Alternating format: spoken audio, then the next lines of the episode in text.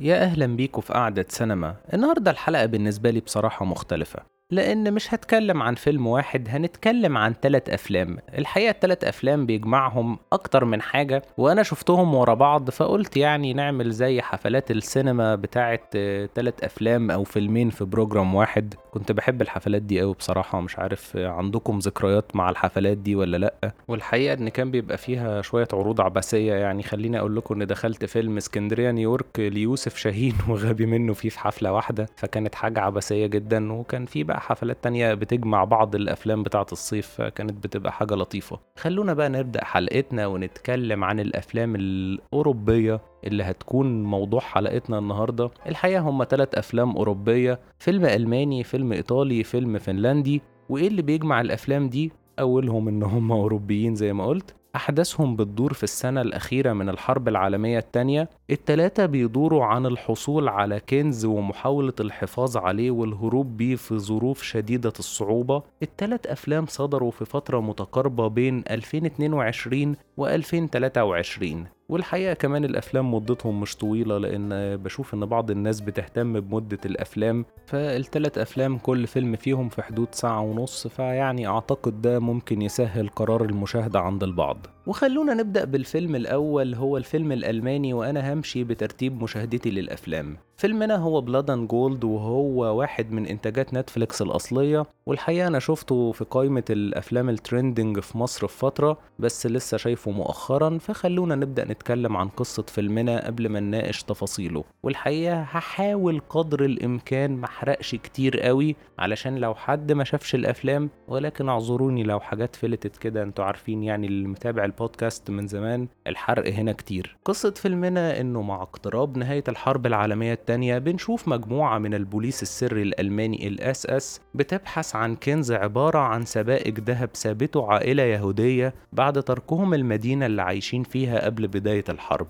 وفي خلال رحلتهم بنشوف محاولة قتل هاينريش الجندي اللي قرر عدم استكمال الحرب اللي رافضها والرجوع للبحث عن بنته. وبنشوف في طريقهم للمدينة محاولة الاعتداء على بيت إلسا ونهب بيتها وقتلهم لأخوها الشاب من ذوي الاحتياجات الخاصة. ومع إنقاذ إلسا لهاينريش من الموت وإنقاذه ليها من مجموعة ال SS بنشوف اتحادهم لمواجهة المجموعة ونشأة قصة حب بينهم. القصة بصراحة فيها شيء من الكلاسيكية ويمكن الكليشيه على صعيد تطور العلاقة بين البطل والبطلة وطرحه لمساوئ النظام النازي اللي شفناها في أعمال كتير. وزي ما كتب أحد النقاد كان هدف الفيلم قتل أكبر عدد من الجنود والضباط النازيين. والحقيقة ده شيء يمكن يؤخذ على الفيلم عند بعض الناس ولكن بصراحة ما ضايقنيش وده لسببين. أولهم إن الفيلم حتى نتفليكس بتسوق ليه أو بتوصفه إنه ب style تارانتينو وحتى البعض أشار لتأثره ب Inglourious Basterds وده كان شيء إلى حد كبير صحيح لدرجة تحسه نسخة light منه وكمان في لحظات أنا افتكرت فيلم جانجو. والحقيقة ده بيبين إن الفيلم هدفه تقديم نوع من التسلية والأكشن على غرار Inglourious Basterds. يعني ما كانش هدفه تقديم حقائق تاريخية أو عرض حاجات أو حوادث محددة داخل الحرب.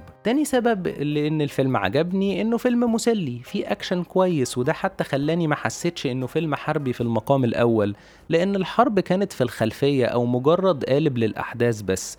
بس في الواقع هو فيلم مبني على الأكشن وفكرة المطاردة بتاعة الذهب من البوليس السري الألماني وأحد الأطراف التانية داخل المدينة وكمان خلق بعض المواقف اللي بتؤدي لتصعيد الأحداث. فنقدر نقول هو فيلم مسلي ببساطة يعني محدش يديله أكبر من حجمه. وكعادة الأفلام والمسلسلات الألمانية اللي بشوفها في الفترة الأخيرة التصوير بيكون من العناصر المميزة على كل الأصعدة. وكان في لحظات في الفيلم اتقدم فيها frames حلوة جدا. وعلى مستوى ال production design برضو كعادة الأفلام الألمانية بتكون على أعلى مستوى والمسلسلات الألمانية كمان على أعلى مستوى بصراحة. وعجبني استخدام الموسيقى وأغاني متماشية مع الحقبة اللي بتدور فيها الأحداث وكمان كان في بعض مشاهد الأكشن إخراجها حلو وممتع جدا. وإن كان يعني ساعات تحس إن الشخصيات أقوى من المنطقي شوية وبتعمل حاجات وبتستحمل حاجات بشكل مبالغ فيه جدا. بس كل التفاصيل اللي عجبتني دي ما تعنيش إن الفيلم ما فيهوش عيوب بالعكس كان فيه عيبين وعيبين كبار كمان. أولهم إن بعض الأحداث بتكون متوقعة يعني بس سرعة تصاعد الأحداث بصراحة كانت بتغطي بشكل نسبي على العيب ده. العيب التاني هو الشخصيات يعني على مستوى التجسيد الكل كان مقبول مفيش حد وحش أو حد جامد. بس اللي كان فرصة مهدرة هم الفيلنز أو الأشرار بتوع الفيلم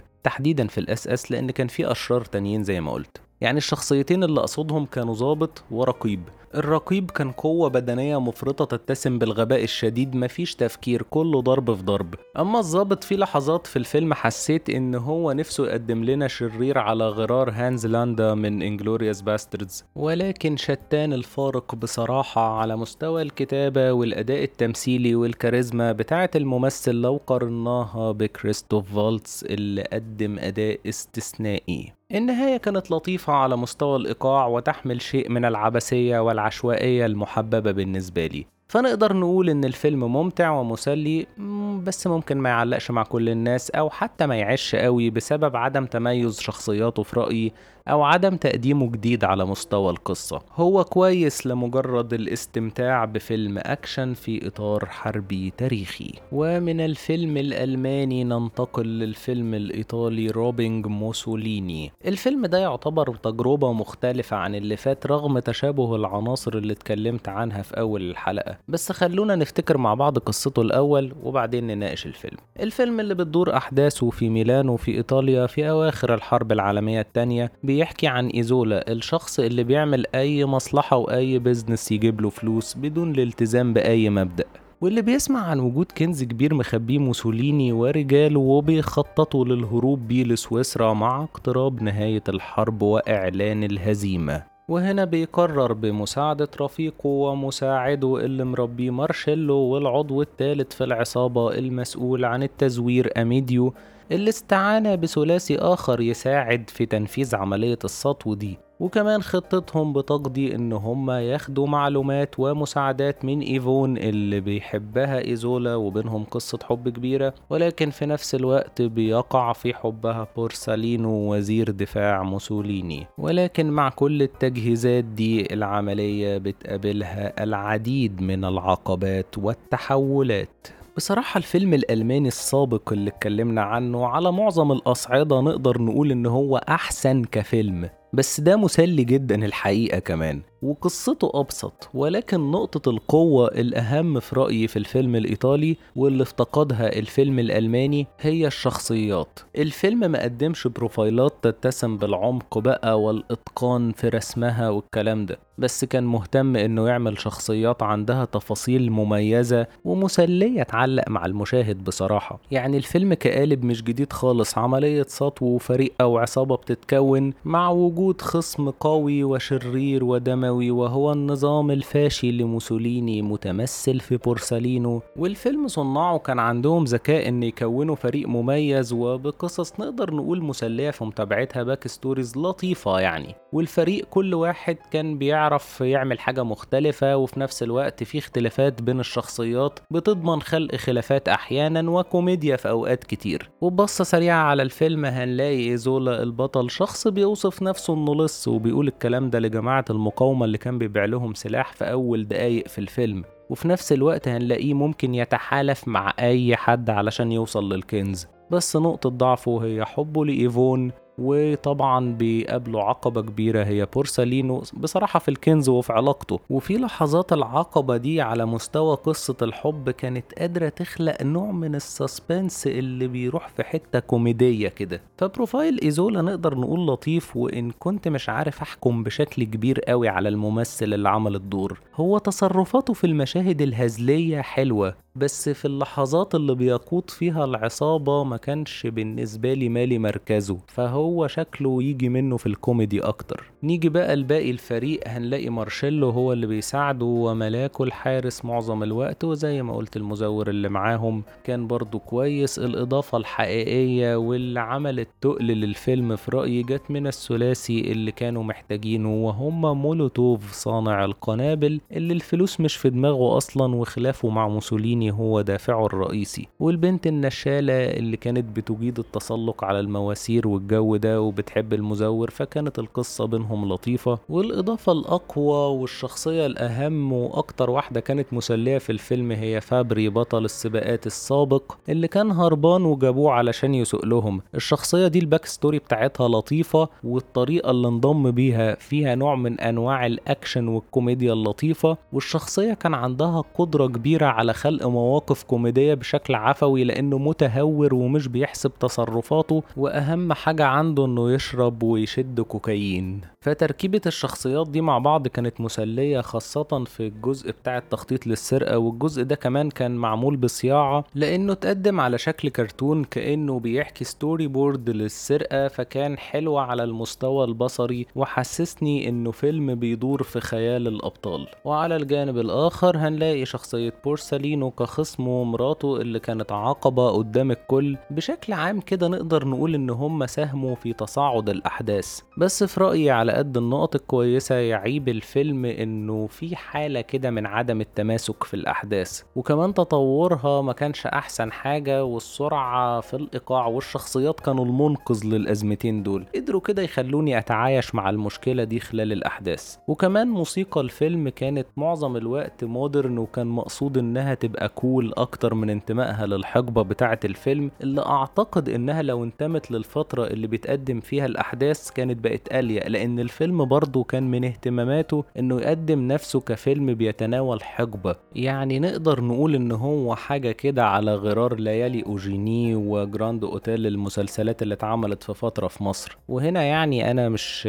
بجامل المسلسلات دي بالعكس هم كانوا يتفوقوا في بعض التفاصيل على الفيلم ده. فالفيلم اللي كان بيقدم نفسه كفيلم بيتناول حقبة ومهتم جدا بالحكاية دي كان أعتقد لو خلى الموسيقى أكثر كلاسيكية كانت هتبقى ملائمة مش شرط كلاسيكية صرف ولكن مش بالشكل ال cool اللي هم كانوا عاملينه. فحسيت إن الموسيقى مش في كل وقت بتبقى راكبة مع الفيلم فده فصلني شوية. بس بشكل عام تجربة مسلية جدا ومدتها مش طويلة فحلوة يعني إن الواحد يشوفها. فيها متعة بس يعني هو مش فيلم قوي نقدر نقول إن هو تقيل أو حربي هو فيلم بيدور في حقبة تاريخية قديمة ومسلي. ننتقل للفيلم الثالث والأخير وهو الفيلم الفنلندي سيسو. وهي كلمة فنلندي ملهاش ترجمة حسب كلام الفيلم وتعني شكلا من أشكال الشجاعة والعزيمة التي لا يمكن تصورها. فخلونا نفتكر مع بعض قصة فيلمنا ونتكلم بقى عن بعض التفاصيل بعدها. الفيلم اللي بتدور أحداثه سنة 44 وحسب كلام فيلمنا في البداية إن فنلندا والاتحاد السوفيتي وقعوا على هدنة من شروطها إنه يجب على فنلندا نزع سلاح النازيين اللي بيتبنوا سياسة الأرض المحروقة أو تدمير الطرق والبنية التحتية في فنلندا. وفي خلال الأحداث دي كلها بنلاقي بطل فيلمنا شخص عايش في الطبيعة بين الأنهار والجبال الفنلندية بينقب عن دهب بشكل منفرد. منفرد وبالفعل بيلاقيه. وفي خلال رحلة العودة للمدينة بيقابل القوات النازية وبتقوم بينهم معارك طويلة وعنيفة جدا. هو الحقيقة الفيلم غريب شويتين لأنه اعتمد بشكل كبير على تقديم الأكشن بشكل ممكن نقول إنه مسلي وإن كان شديد الدموية. وشديد الدموية هنا تنطبق على المعارك داخل الفيلم وعلى لقطات بنلاقي فيها البطل بيداوي جروحه أو بتتعمق جروحه في لقطات أخرى بس اللقطات دي بقى كلها ممكن تتوصف بالمقززة الصراحة. والحقيقة أعتقد إن الفيلم كان فيه تأثر كبير بترانتينو في موضوع الدموية الشديدة ده وفي رأيي إن الدم مش ألطف خيار دايما للمشاهد بصراحة. بس شغل ترانتينو في رأيي برضو وأنا من محبين ترانتينو أصيع لأنه غالبا بيكون ليه سياق عكس الفيلم اللي بحس إنه ركز شوية على فكرة الأفورة في الدموية. وكمان النقطة التانية اللي باين عليهم كصناع فيلم تأثروا بترانتينو هي فكرة الفصول لأن الفيلم متقسم سبع فصول وإن كان موضوع الفصول ده ترانتينو اتشهر بيه بس هو مش أول من ابتدعه يعني. ولكن الشكل بتاع التقسيم وطريقة كتابة الأسامي بتاعة الفصول ورقمها كان في تأثر بتارانتينو ولكن زي ما قلت هي فكرة قديمة يعني. أنا فاكر إن في فيلم Hannah and Her Sisters من إخراج وودي آلن واحد من الأفلام الجميلة جدا. آه، كان في برضه فكرة الفصول دي بشكل أقل مباشرة كان معمول بشكل أدبي أكتر. فالفكرة دايما بتنسب لتارانتينو لأن هو واحد من أشهر من استخدموها يعني واستخدمها بأساليب ممتعة وذكية والحقيقة تارانتينو هو الحاضر الغائب في الحلقة دي لأن الراجل ملوش ولا فيلم في الحلقة ولكن حاسس إني اتكلمت عنه أكتر من صناع الأفلام بتوع الحلقة نفسها. فخلينا نتكلم بقى عن الفيلم بتاع سيسو إن المشكلة في رأيي برضو إن هو over يعني هو ممتع في المشاهدة بس مع الوقت الأفورة بتوصل لمرحلة بقى إن هو مش محبوك خالص وأحيانا مجنون. فنقدر نقول إن هو محاولة لصنع superhero فنلندي عنده قدرات قتالية خرافية. ومن الحاجات الغريبة اللي في الفيلم واللي عجبني بصراحة قدرة السيناريو في الحفاظ عليها هي إن بطل الفيلم ما نطقش ولا كلمة طول الفيلم رغم كل اللي بيمر بيه. يعني يا دوب نطق جملتين في آخر مشهد. بس ده في رأيي كان ليه جانب سلبي. إن إحنا معرفناش مين الراجل النينجا ده لحد نص الفيلم وبشكل عابر في جملتين كده في النص. بس النقطة اللي كانت بجد ممتازة في الفيلم هي التصوير اللي كان بصراحة حلو جدا واللي ساعد في ده هي ال landscapes الخرافية الموجودة في فنلندا. طبيعة رائعة جدا ما كانتش محتاجة غير مدير تصوير شاطر يطلع صورة رائعة زي اللي شفناها خاصة في الفترة اللي قبل ما يشتبك فيها بطل الفيلم مع القوات النازية. وكمان كان في لحظة كده عجبتني على مستوى الصورة لما لقى الدهب فكرتني شوية بفيلم Pulp Fiction ففي النهاية أقدر أقول إن الفيلم ده ما كانش مهتم قوي إنه يبين اهتمامه مثلا بالحقبة اللي كان بيدور فيها الفيلم زي الفيلم الإيطالي. آه كان فيه اهتمام بالعربيات والملابس بتاعة النازيين بصراحة. بس الفيلم ده هدفه إنه يبقى فيلم أكشن صرف لبطل بيعرف يقاتل بشراسة ويعمل اللي هو عايزه. ومفيش أطراف متداخلة في القصة بتعقد الحبكة مثلا زي الفيلم الألماني زي ما قلت الفيلم قصته بسيطة قوي ومعتمد على الأكشن بشكل كبير. وده يخليني على قد ما مزهقتش وأنا بتفرج بس ما حسيتش إني ممكن أتفرج عليه تاني لأن القصة والشخصية بصراحة كده ما شدونيش بجانب الأفورة اللي مش طبيعية في الفيلم. فلحد هنا خلص كلامي في الحلقة اللي حبيت تكون مختلفة. أتمنى تكون عجبتكم ويا ريت لو عندكم أفكار لحلقات تانية تبعتولي على ال social media accounts بتبقى موجودة في ال description بتاع الحلقات تحت. ويا ريت اللي مش عامل سبسكرايب يعمل علشان توصل لكم الحلقات الجديدة باستمرار ونتقابل الحلقة الجاية. مع السلامة.